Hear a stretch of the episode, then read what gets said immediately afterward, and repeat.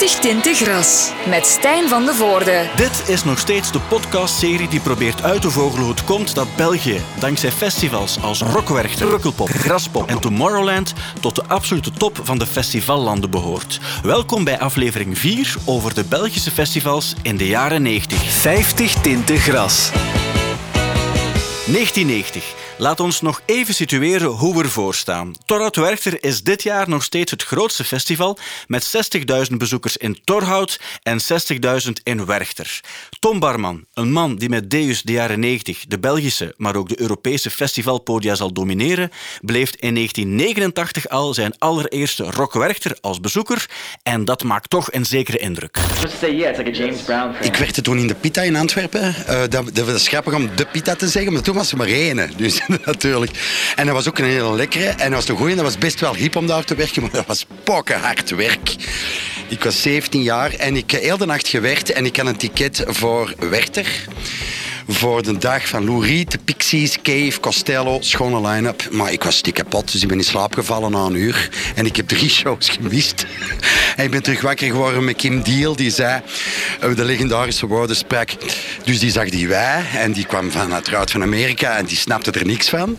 En die zei, wouldn't you want to wear a beach here? En voilà, dus ik herinner me dat Lou Reed een elektriciteitsschok heeft gehad. Dat ik later ook uh, elke zanger al wel eens heeft meegemaakt. Dus een statisch probleem door de micro op je lippen. En uh, heel pistof was, in typische Lou Reed-stijl.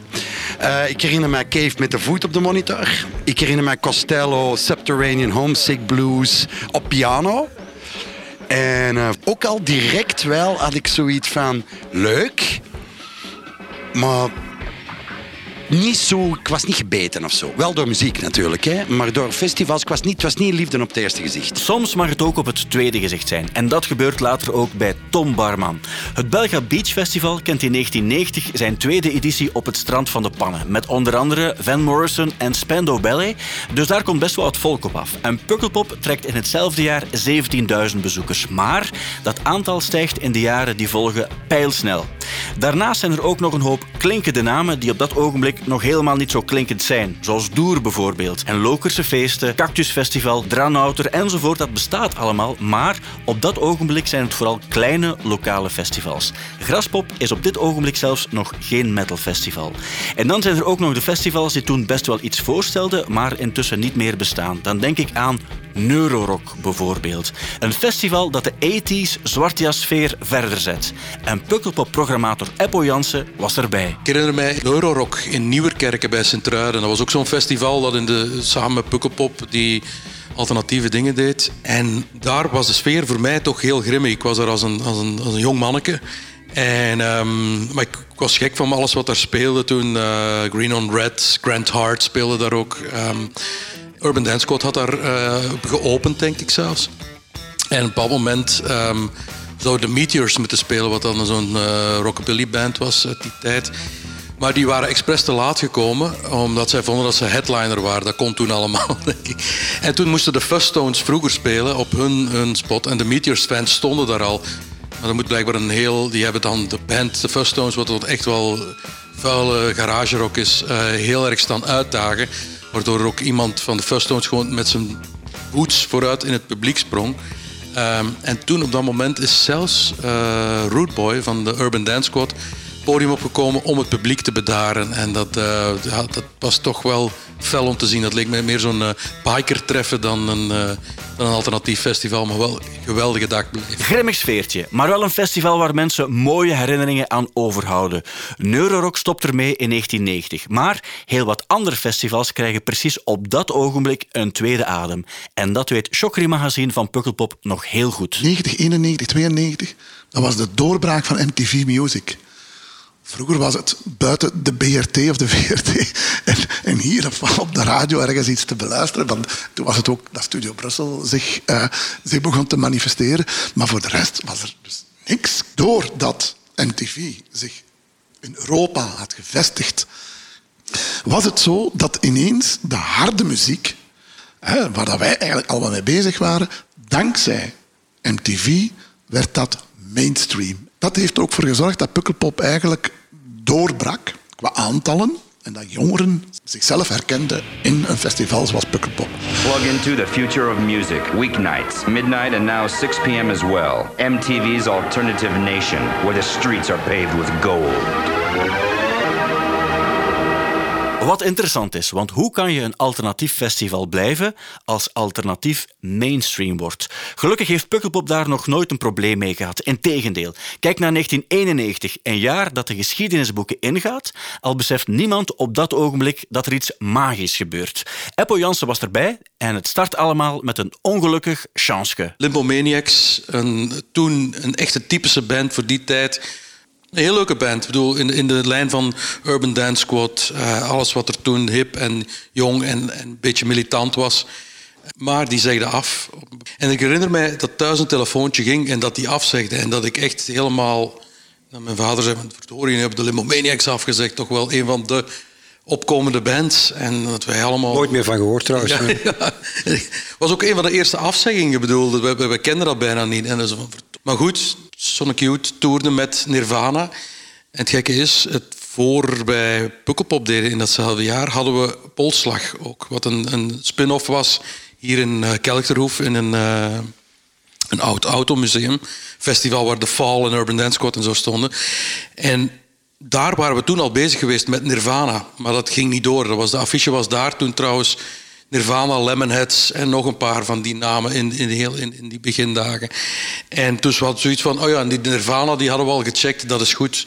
Laten we die dan maar doen. Die zijn toch op tournee met Sonic Youth. Laat hen maar openen dan om tien uur s morgens. Ik herinner mij dat dat was een concert waar toch iets te weinig volk stond. Maar dat was onze eigen schuld, denk ik. Dat was Pukkelpop schuld. We, hadden toen, we gingen voor het eerst naar Kiewit. Trouwens, de mensen die nu op camping uh, Relax slapen, op Pukkelpop... die slapen eigenlijk misschien op de plek waar Kurt Cobain op dat moment uh, dronken rondliep. Maar um, ik herinner me... Dus we hadden dat voor het eerst daar georganiseerd. En er waren veel te ver, lange toegangswegen daar naartoe. Dus mensen moesten de weg zoeken, waren de weg kwijt, waren veel te laat daar. Dus ik herinner me niet zo heel veel mensen. Maar ik herinner me wel een heel ja, moet je zeggen, geanimeerd concert, zoals eh, Nirvana er wel meer speelde. Met, waar gekke fratsen uh, met mekaars nek springen en die dingen. Maar of dat nu het concert van Pukkelpop over al die jaren was, ja, achteraf misschien wel. Uh, maar op dat moment was dat een goede rockshow. Dus daar gaan ze. Marcel van Tilt kondigt aan. De band geeft zijn bedenkingen over de naam Pukkel, Pop. En dan openen ze met Polly. Openingsact van Pukkelpop 91, Nirvana!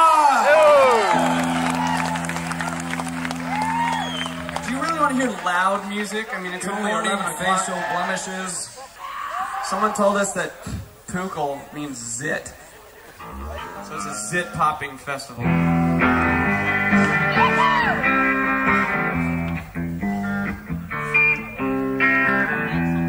Polly wants a cracker. Think I should get out for first. Think she wants some water.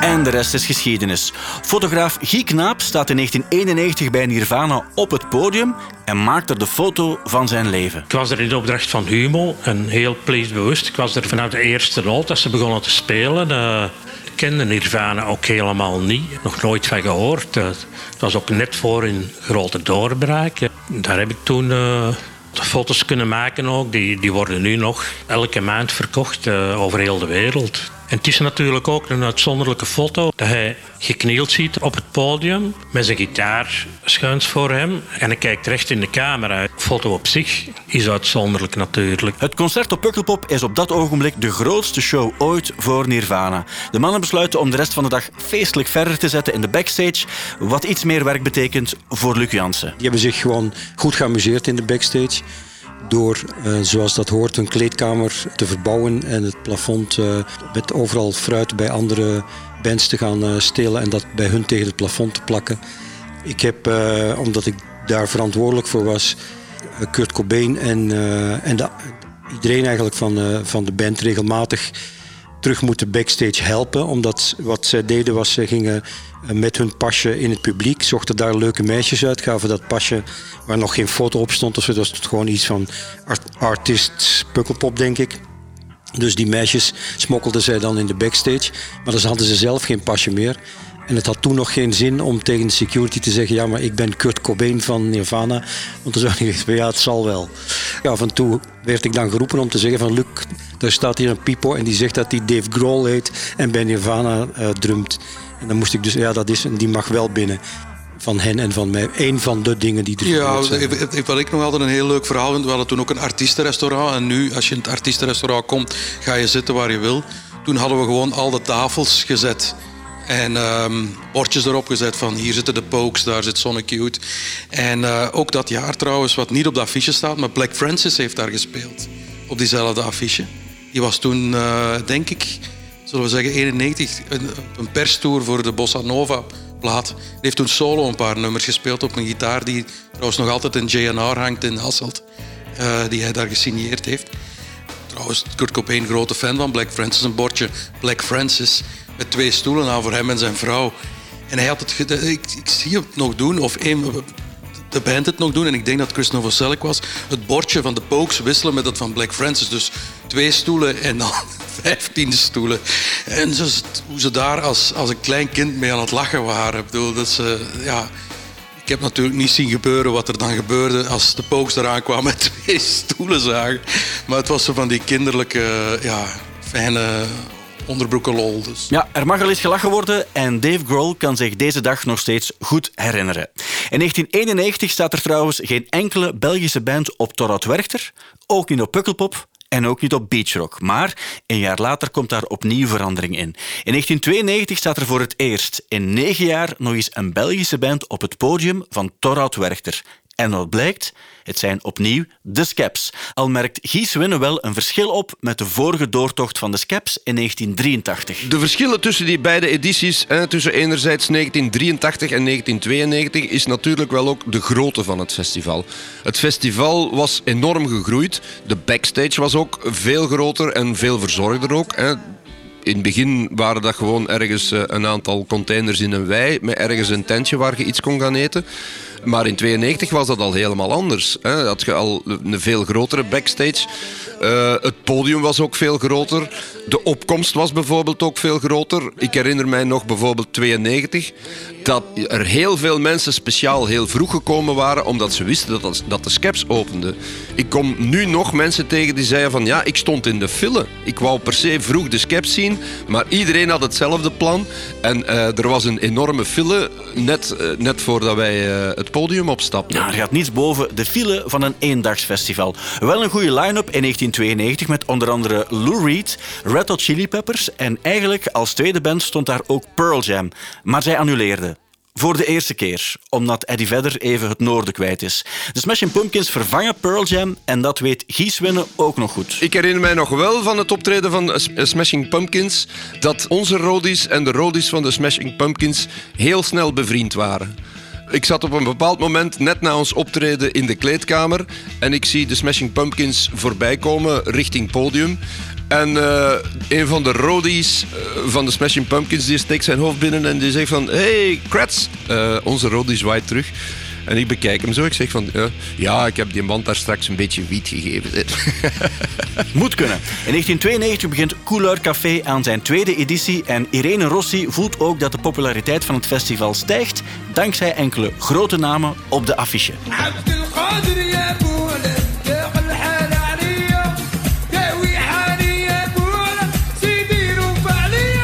Op een keer kwam Galet, dat was toen uh, Chep Galet. Dat was, uh, de draaimuziek was mega populair. Er kwam massaal veel volk op af. En toen hebben we echt wel wat problemen gehad aan de ingang. Dat de mensen zo de hekken van de ingang omduwden omdat er te veel volk was. Maar voor de rest hebben we eigenlijk nooit noemenswaardige beginnersproblemen gehad. Ja, de grote namen van nu, stellen op dat ogenblik niet noodzakelijk veel voor. In 1993 speelt Radiohead bijvoorbeeld op Shockfestival in Gierle. Spectaculair als je het nu bekijkt, maar in 1993 was het toch een heel ander verhaal. Hans Kersemans van Shockfestival. Eigenlijk is die redelijk laat geboekt, uh, Radiohead. En uh, toen hadden ze juist uh, die cd uit, de band. Uh, dus dat was nog echt in het beginstadium van Radiohead. Daarna zijn ze echt heel hard doorgebroken. Maar voor ons was het eigenlijk niet zo'n uh, fantastisch jaar, uh, 93. We zijn altijd gestaag gegroeid aan Shock Festival tot 93. Toen hadden we echt een geweldige line-up. Maar het weer zat fantastisch tegen. Het heeft heel het weekend toen geregend, gegoten eigenlijk. En het was 12, 13 graden, waar nooit, nooit gebeurd was. Waar we toen ook uh, natuurlijk uh, geen uh, mensen hadden om te komen kijken naar die fantastische line-up. En een serieuze financiële kaart hebben overgehouden. En toen na die editie is ook onze, onze bestuur van Toen en Shock gewoon gestopt.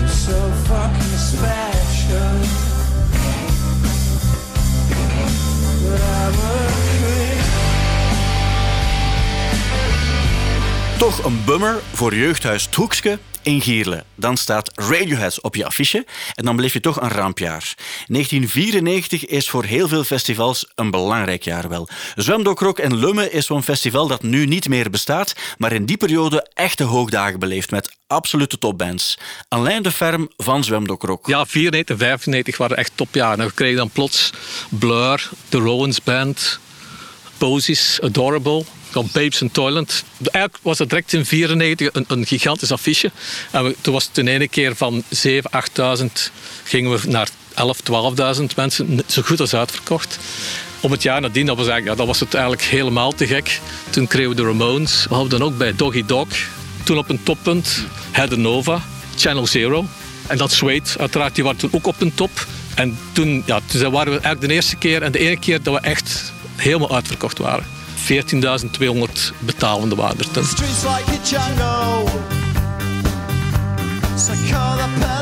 In 1994 speelt Blur op Zwemdokrok en die mannen hebben een speciaal verzoek. In een rider stond dat ze een uh, doosje lege blokjes moesten hebben. Dus uh, ja, dan zorg je daarvoor. Dan begin je eerst te lachen, van wat is met dat? Ja, oké, okay, dan zorg je voor die lege blokjes. Ze hebben de doos open gedaan. Of ze ermee gespeeld hebben, weet ik niet. Maar ze hebben ze open gedaan. Ik vermoed niet te veel, want die mannen van Blur waren op plaats zo stapelzat. Want we hebben die met drie auto's naar het hotel hier in Lummen moeten doen. Omdat de ene was niet te vinden en de andere waren al, al weg. Mijn zus zit daar twee keer op en af moeten rijden. Eh, met Damon Elborn en, en rest. Achteraf heeft ze nog gezegd, was dat Blur die nu zo... maar dat was wel leuk, ja.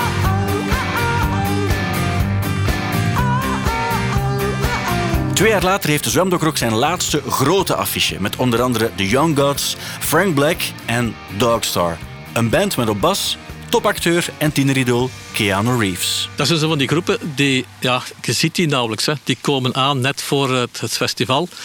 Maar ik moet wel zeggen dat Keanu Reeves, eerst en vooral, was op dat moment niet herkenbaar. Die had een, een lange baard en dat was in de tijd van de Matrix, denk ik. Toen had hij geen baard. Die kwam aan met een baard. Die heeft dan, ik denk, basgitaar gespeeld. Nee, die was wel onder de, die kregen dan wel richtlijnen van uh, dat zijn de vier bandleden. En die hadden allemaal een, totaal andere naam. Mocht ook niet, zeker niet doorgeven waar ze uh, sliepen. Dus dat waren wel wat dingen er rond. Maar anderzijds heeft hij ook gewoon bij ons, uh, bij de mensen in de keuken, heeft hij gewoon gegeten. En is hij na nadat hij gegeten had, de keuken komen bedanken dat het lekker was. Dus totaal geen capsones wat dat betreft. Uh, die speelden de dag ervoor de Melkweg.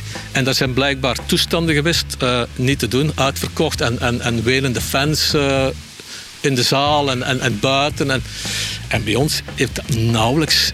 Toen die optraden, stond nauwelijks iemand voor dat podium. Het was echt niks, niks bijgebracht. Nu, de groep kost nog niks. Hè.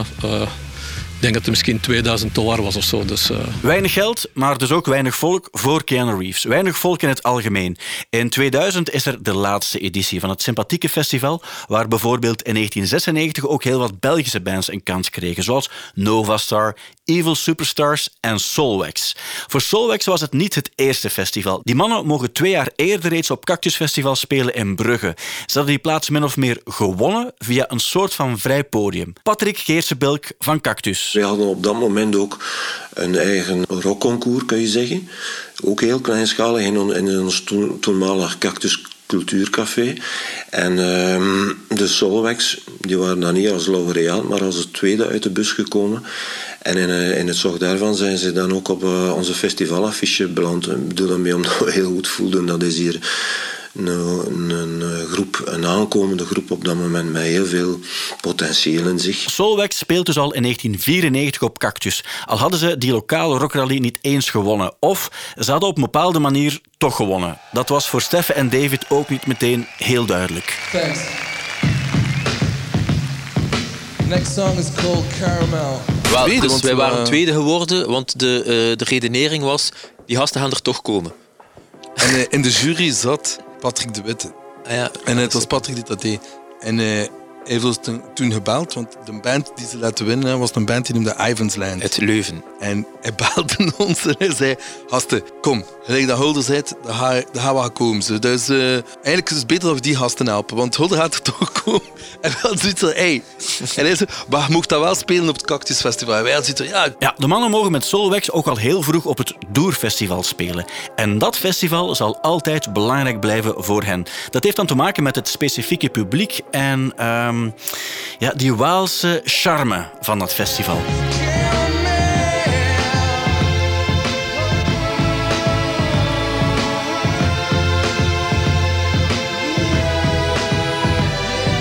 dit is voor ons, denk ik, wat dat we sommige van onze beste dingen gedaan, eh, beste shows spelen. En toen hebben we ook zoiets, want dat was ook een ander publiek. Ik weet nog heel goed, de allereerste keer dat we naar Doer moesten gaan, wij, samen, wij, moesten, wij moesten spelen pff, om twee uur of drie uur s middags.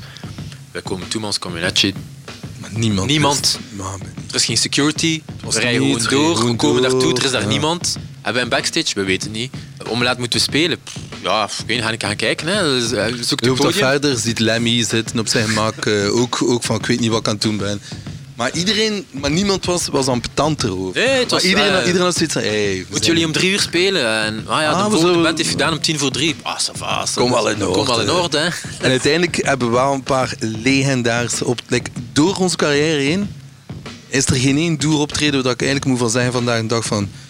Ja, dat was echt. Ik denk van al de beste festivals waar dat de zotste dingen gebeuren. Unieke sfeer halfweg de jaren 90 in Doer. Dan groeit het festival uit tot iets groots. Mark Steen van Doer. Dus de 94 is toch wel een beetje het jaar van de doorbraak geweest. Die het festival echt op de, de kaart gezet heeft. En ja, als je die affiche van, van toen eh, nu terug bekijkt. de eh, Tool stond daar toen. eh, Blur. de Rollins Band. Public Enemy. En dat was ook de e- eerste editie dat er drie podia waren. En op die weg zijn ze dan, eh, omdat ze merkten dat die formule wel, wel aansloeg, zijn ze verder ingegaan. En wat dat ze gedaan hebben is, op een bepaald moment was Doer misschien niet het grootste festival van, van België, belangen niet. Maar was het wel het, het eh, grootste hip-hop festival, zeg maar, omdat er eh, nergens anders zoveel hip-hop acts stonden. Het was ook het na eh, Hyper Hardcore Fest misschien het grootste hardcore festival in België. Naast Reggae Geel het grootste reggae festival in België. Dus eigenlijk alle niches en alle subgenres werden eigenlijk van, van bij het begin relatief goed bediend. Nou, Doer is een cool festival. Alleen was er in die jaren 90 nog wat werk aan de organisatie. Dat is alles. Het was een festival van de lokale bevolking, uit de Borinage.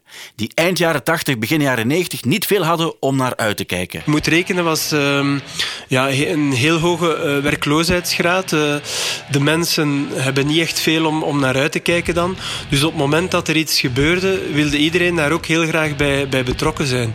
Eh, inwoners van, van Doer en van de streek in het algemeen zijn enorm fier op het festival en op wat dat eh, betekend heeft. Want eh, het festival is intussen uitgegroeid bijna tot een, eh, tot een wereldmerk. En Iedereen wil daar graag ook zijn steentje toe bijdragen. De vroegere locatie bijvoorbeeld, een deel daarvan waren de terreinen van Doerspoor, de plaatselijke atletiekclub. En net door mee te stappen in de festivalorganisatie en door vrijwilligers te leveren, voor de bemanning van de baars bijvoorbeeld, konden zij ook een, eh, een extra graantje meepikken en hebben zij bijvoorbeeld een nieuwe atletiekpiste eh, kunnen aanleggen. Het is mooi als je met zo'n festival zo'n impact kan hebben op de plaatselijke gemeenschap. En er gebeuren nog meer wonderlijke dingen in 1995. Graspop is op dat ogenblik nog geen metalfestival. Het festival bestond wel al sinds 1986 als een vrij gemiddeld rockfestival met best grote namen, zoals in 1995 Simple, Minds, Joe, Cocker, Paul, Weller en de Jesus and Mary Chain. Maar door beachrock in zee Zeebrugge, waar grotendeels dezelfde artiesten speelden, valt de opkomst dat jaar dik tegen. Dus er wordt nagedacht over een oplossing voor 1996. Graspop-organisator Peter van Geel. Ja, wij gingen eigenlijk al heel veel naar bebop, waar eh, Bob Schoenmakers de plak zwaaide. Eh, we gingen daar heel veel naar uh, metalconcerten kijken. Ah, ik ben eigenlijk ook altijd wel een metalfan geweest. Ja, en, en Bob zei van ja, ik heb hier mijn midsummer in een hal en die hal is te klein en ik ga open lucht. Maar ja, ik heb eigenlijk niet de nodige mensen. Uh, ja, en dan is Herman Schuurmans er ook, uh, die dan toch al voor, in destijds voor de internationale band zorgde. Hij zei, ja, waarom gaan jullie niet gewoon samenwerken? Probeer samen één metalfestival te organiseren. Ik zit hier met zoveel metalbands en ik kan ze niet op mijn Torrood Werchter destijds zetten. Um, ja, dat was blijkbaar een beetje een gat in de markt, want op de eerste editie hadden we toch al direct uh, een, een 12.000 toeschouwers.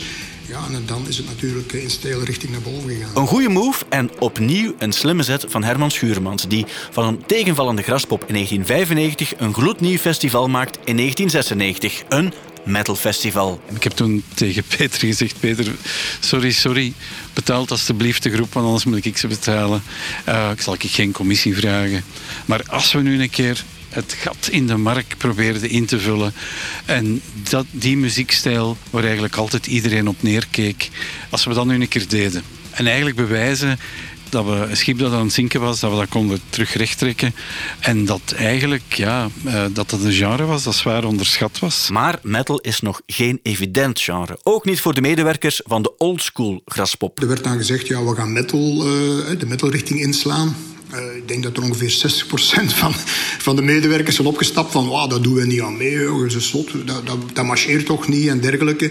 Ook qua sponsoring was dat echt niet evident. Hè. Als je een sponsor probeerde te strikken en je zei ja, we zijn metal, dan was dat precies van oei, die mannen met tattoos, lange zwarte haar, leren jackets, daar doen wij niet aan mee. Ja, totdat ze eigenlijk, hebben we toch wel heel veel jaren moeten tegenop boksen om, om eigenlijk uh, metal een beetje meer uh, ja, aanvaardbaar te maken in de maatschappij. Nou, metal is in die tijd voor heel veel mensen nog een vies woord. Toen Metallica in 93 op Torhout Werchter speelde, lokte dat zelfs protest uit. De eerste editie van Graspop Metal Meeting in 1996 mocht er onmiddellijk zijn met kleppers als Slayer, Iron Maiden en Channel Zero. En frontman Frankie de Smet van Damme had speciaal voor de gelegenheid niet zijn mooiste schoenen aangetrokken. Come on, fucking hurry up! Het enige dat ik me nog herinner is dat ik toen uh, mijn schoenen die ik altijd aan had op uh, graspop in het publiek gesmeten heb. En, en dat was toen een, een beetje een rel omdat ze dachten dat we boel hadden. Maar wat, nee, ja, wat, Channel Zero had altijd boel. Dus ja, dat was al iets nieuws onder de zon. Maar die schoenen hadden niets te maken. Ik was die gewoon kotsmoe. Er waren gaten langs alle kanten van op tournee. En nog waar te zitten. En daar herinnert mij nog altijd dat soms ja, toen in de tijd je schoenen in het podium van het podium is mee. Dat was eigenlijk geen betekenis. Maar ja, hoe dat som, stomme dingen soms betekenis krijgen. ja, de oldschool graspop was niet het enige festival dat het moeilijk kreeg, zo halfweg de jaren 90. Er ontstond een vorm van concurrentie. Uh, ook beachrock, dat vanaf 1995 naar Zeebrugge verhuist, krijgt het moeilijk. Ook al staat Oasis voor het eerst op een Belgisch festival. Programmator Arno Mangelschots. In 1995 headlinede de Simple Minds en stond ook Oasis er. En het verhaal, het is gewoon zo, het was Oasis, een van de twee Gallaghers, hebben ze met veel moeite uit een bed gekregen, omdat hij zich overslapen had en het vergeten was. En uh, toen ze uiteindelijk daar waren, hebben ze die ver moeten houden van Jim Kerr omdat er een vrouwenkwestie was tussen die twee. En, uh, het is bij geroep en getier gebleven. Ik denk niet dat ze elkaar uiteindelijk geraakt hebben. Maar, uh, ja. Na het festival trekt ook iets te weinig volk, maar ze blijven nog wel grote namen programmeren. In 1996 is er bijvoorbeeld de eerste reunie van de Sex Pistols. En zoals het moet uiteraard, loopt dat wat fout. En dan gebeurt er dit. Na een vechtpartij slaat de ene veiligheidsagent de andere groggy. This is what happens when security take their job too seriously. Incidenten zijn er van ouds, maar het optreden dat is om zeep. De Sex Pistols worden voortdurend met zand bekogeld. Sex Pistols begon ook heel goed, maar er is dan weer een rel geweest. Ik denk dat er eerst een soort neprel was georganiseerd door de Sex Pistols zelf. Maar dat was niet of slecht gecommuniceerd blijkbaar aan de lokale uh, security. Die er dan tussen kwam en eigenlijk op, op iemand van de Sex Pistol Crew uh, weghaalden of, of daar een gevecht ontstond. Waardoor dat dat John op, op de kop geslagen heeft van de security van het festival. Nogal hard met zo'n eh, wireless mic, waardoor het die mensen in het ziekenhuis is beland. Ah, en heel ze daarna ook nog uh, verzekeringen en gedoe.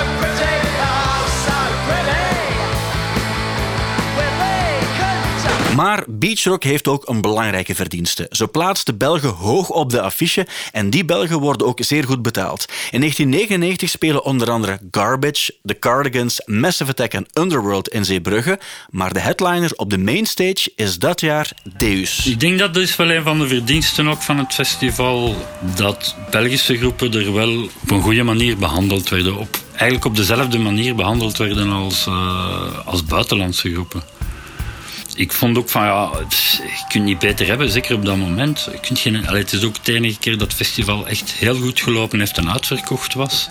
Je kunt niet beter hebben als, als Theos op dat moment. Dus hebben we daar ook de, dezelfde prijs voor betaald als je voor een andere internationale groep zou betalen. Hetgeen ongezien was. Lange Polle van Triggerfinger had op dat ogenblik al heel wat ervaring bij andere bands. En hij vond dit concept een goede evolutie. Dat was ineens... bedoel, wij kregen...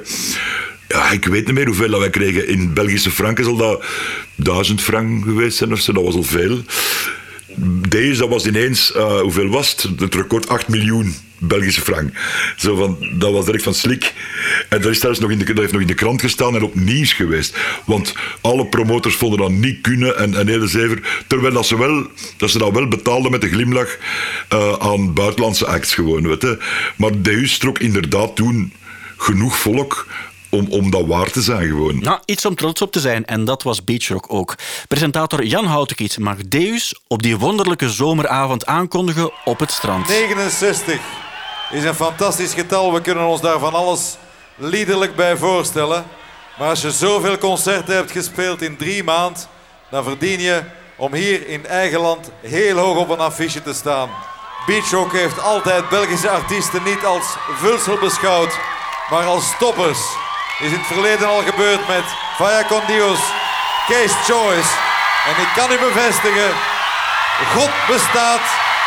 Hier is voor jullie Deus!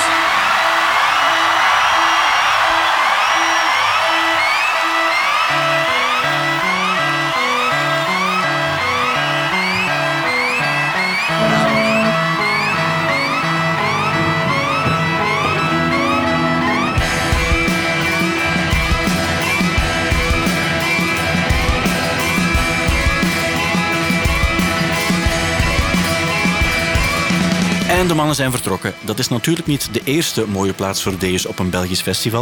In 1997 mogen ze ook al headlinen op het zijpodium van Torhout Werchter. Ze spelen dan na onder andere Beck en David Byrne. De dag ervoor is de headliner op dat zijpodium trouwens Daft Punk. Dat wil toch iets zeggen. Maar dus, in 1999 headlinen ze Rock Werchter en dat lokt op dat ogenblik op een of andere manier enige reactie uit.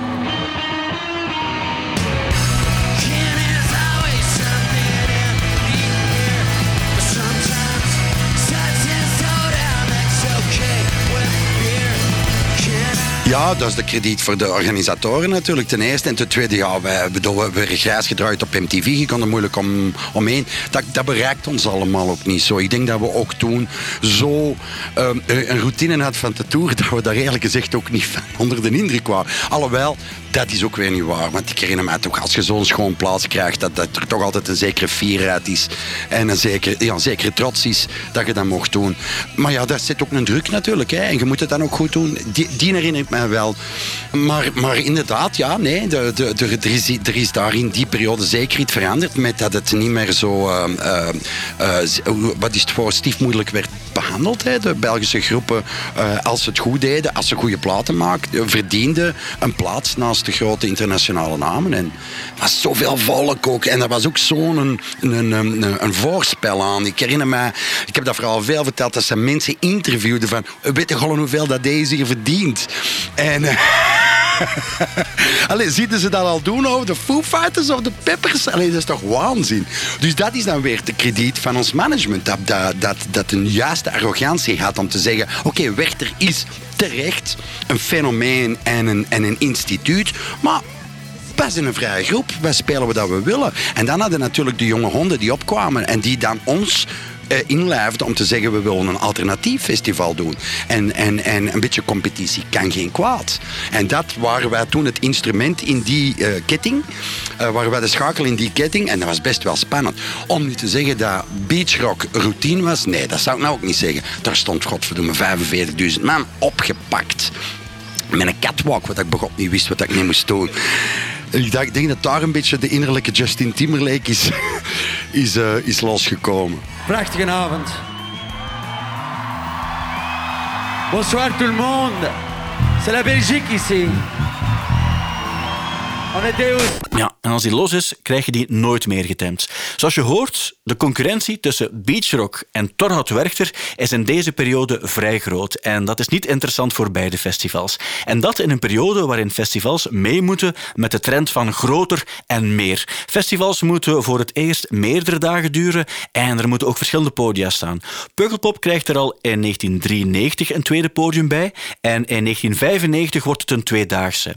In 1995 krijgt Rock Werchter een zijpodium en er is dan ook een campingfestivalletje de avond voordien, waar onder andere Tool speelt. Een jaar later, in 1996, wordt het definitief officieel een tweedaags festival. Dat is geen evidente stap, organisatorisch, maar ook voor de lokale bevolking is het een extra dag onrust. Dat weet Herman Schuremans, die ook weet dat stilstaan achteruitgaan is. Af en toe moet je dan een keer eh, durven doorduwen. Zoals met Depeche Mode, zoals met Robbie Williams, zoals met Metallica, zoals met eh, een dag of twee dagen uitbreiden. En natuurlijk, doet dat dan uh, stapje voor stapje.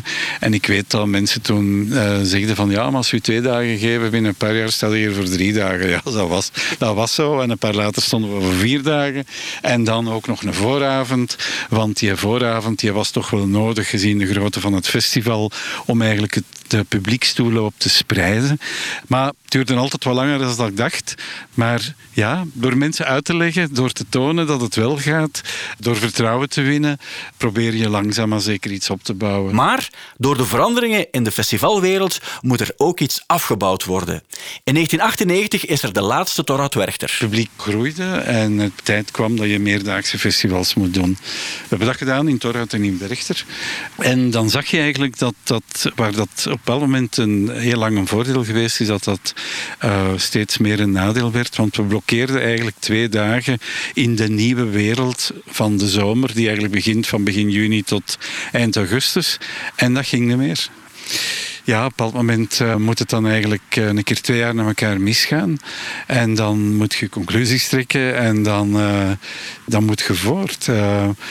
Dus ja, na twee jaar ellende hebben we dan in 1999 er in Berchter denk ik een vierdaags festival van gemaakt en waren meteen terug vertrokken. Alex Callier speelt met Hooverphonic op de laatste Torrat Werchter. Hij weet hoe het voelt om twee dagen na elkaar op een enorm Belgisch dubbelfestival te spelen.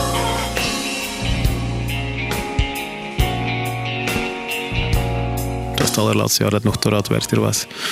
Dat was wel heel, heel bijzonder. Het was ook wel een hele toffe weekend. We hebben daarna nog twee keer gespeeld en dan op veel hogere posities en op het groot podium en zo. Maar ik vond dat wel, ik vond dat wel, wel tof dat je zo... Je, je speelde de, de, de ene dag, de, de, de zaterdag in Torhout en dan gingen met gans, gans... Iedereen ging naar datzelfde hotel, in, in Oostende was dat, in, in een Thermopalace. Iedereen er naartoe toffe feestjes op de kamer. De volgende dag met een grote kater naar Werchter. Er speelde dan meestal eigenlijk nog beter, bizar genoeg. En dat had wel een totaal andere sfeer ook, moet ik zeggen. Torhout en Werchter, dat waren ook twee totaal andere ja, festival-sites. Werchter had ook bomen, Torhout niet Torhout. Dat ging zo wat in een sloop omhoog. Dus dat was zo... Ja, dat, laten we eerlijk zijn. Ik denk, elke Belgische band die voor de eerste keer op zo'n groot festival mag spelen. Dat is wel een eer.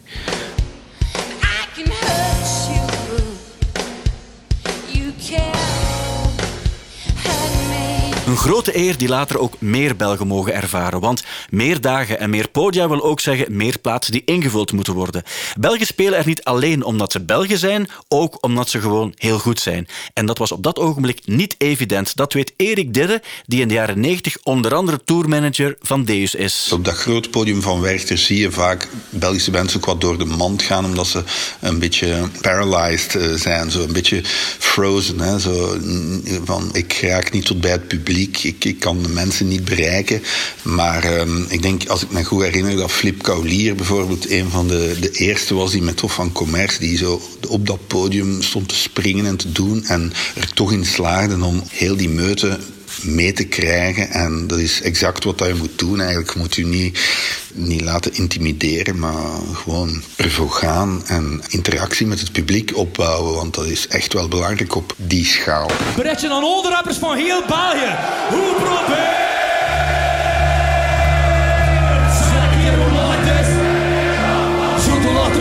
shit. Zie ze weer op hun. Flip Kaulier en zijn vrienden van Tof van Commerce die konden in die tijd een mainstage vullen. Ik weet wel bijvoorbeeld van de eerste keer dat, dat we met Tof van Commerce op, op een mainstage à la Werchter stonden. Wij bewogen sowieso heel, heel vaak. Uh, allee, heel veel. We stonden echt niet stil. Ook omdat wij te veel bands zagen, ofwel lokale bands, die gewoon op één tegel stonden en niet, niet durfden naar het publiek te kijken en gewoon wat mompelden. Of Amerikaanse bands die eigenlijk gewoon lui waren. Die, die kwamen naar hier en die dachten dat die met niks te doen evenveel succes gingen krijgen dat ze in de States daarvoor kregen. Maar dat was niet zo. En dan zag je echt heel vaak bij, Amerikaanse bands dat die gewoon zo weinig moeite deden. Die kwamen dan ook nog vaak een keer van Amsterdam. En dat, daar uh, enorm veel wiet gescoord en hadden hier dan misschien een eerste duvel gedronken. Wij wouden dat absoluut niet. Wij wouden echt entertainment brengen en we wouden bewegen en zo. Maar wat ik wou zijn was de eerste keer dat we effectief op zo'n groot podium stonden. Dus normaal liepen wij heel van de ene kant naar de andere kant van dat podium. Maar dat is niet moeilijk als, als je podium 5 op 2 meter is. Maar uh, die, main, mainstage, ja, dat was echt, ja, dat is groot hè. Dus, en als je dan drie keer weg en weer gelopen had, en ineens hadden daar, waren echt buiten adem en dacht van fuck, wat is dat hier? Kan het niet meer tot je beseft, ah ja, het is juist, dat is hier allemaal veel, veel meer afstand. Flip heeft gelijk. De wereld is op dit ogenblik misschien wel klaar voor hip-hop, maar de hip-hop is nog niet helemaal klaar voor de wereld. Dat hoor je bij alle organisatoren, ook bij Chokri van Pukkelpop. We hebben ook een hip-hop stage geprobeerd, de eerste jaren, waarbij dat we op een bepaald moment zagen, ja, die, die, die, die waren daar allemaal nog niet klaar voor. Dus in die tijd zeker niet. Uh, en dan uh, zijn we ertoe gekomen om te zeggen van ja, kijk, geprogrammeerd zeven of acht acts van, van hip-hop. Maar uiteindelijk, als je de dag zelf tra traden er dan misschien twee of drie op in plaats van acht, omdat de rest me niet afkwam of, of ergens, ergens bleef hangen of om en even wat. Altijd gedoe. Ook op Beach Rock 98, als ze besluiten om Killer Priest van de Wu-Tang Clan te boeken. Hey, you know, everybody's talking about the good old days, right? Killer Priest. Ja, dat was een beetje een ramp. Die kwam, om, die kwam opeens helemaal alleen toe. Had zelfs geen DJ bij, want een avond ervoor dus uh, Old Dirty Bastard aangevallen en iedereen was mee op zoek toen. Dat was ook wel zo. Er werd opgeschoten en raakgeschoten of zo. En iedereen was zo gezegd op zoek naar wie dat, dat gedaan had. En waardoor dan onze goede vriend van Plastics heeft moeten mee DJ'en. Hij had nog gauw wat platen gaan kopen als hij aankwam in Brussel om, om, om daarop zijn set te spelen. En bij reggae-bands waag je nog een grotere gok als je een artiest boekt, want je weet niet helemaal zeker of er iemand zal opdagen. Dat leerde Chris Eerle ook van Reggae Geel. Ja, ik, ik heb al gezegd dat we altijd uh, redelijk rechtstreeks met de artiesten werken, zonder management, zonder agencies en dergelijke. Dat is nu de laatste tijd wel wat veranderd. Vroeger werkten we heel rechtstreeks, ook met de nodige problemen. Het probleem in Jamaica is ook een beetje van, ja, ik ben er zelf ook vrij veel geweest. Als je daar rondloopt en je zegt ik, moet een, ik probeer, een bepaald, probeer contact te krijgen met een bepaalde groep, dan is iedereen meteen manager van die groep in, in Jamaica. En je weet dikwijls niet of je bij de juiste persoon bent.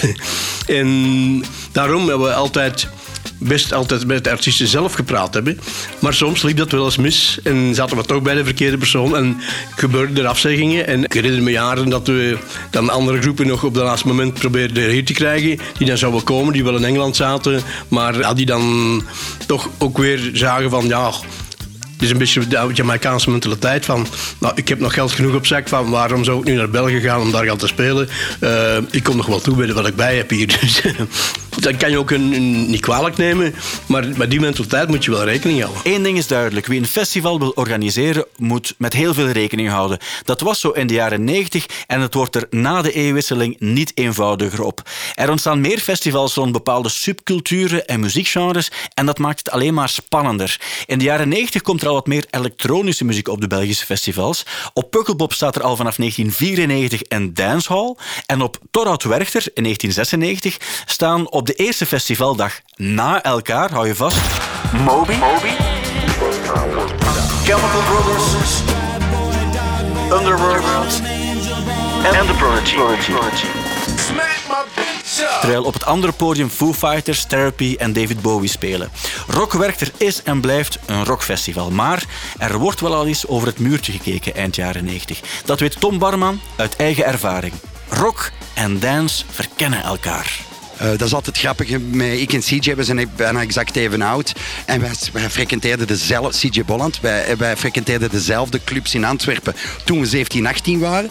En dan was de grap altijd, dat als de Stooges speelde, ging ik dansen. En als Kraftwerk speelde, ging hij dansen. Dus eigenlijk, CJ is dan duidelijk die richting het gegaan. Maar dan toch zijn we eigenlijk in de jaren 90 een beetje samengekomen, eind jaren 90. Um, ik ook. En ik denk dat Orbital zeker daar heel belangrijk... Drum and bass was eigenlijk mijn, mijn intrede. Uh, waarschijnlijk geen toeval, omdat daar toch van alle dansmuziek, van alle dance, het meeste de rock and roll energie ook in zit. Hè.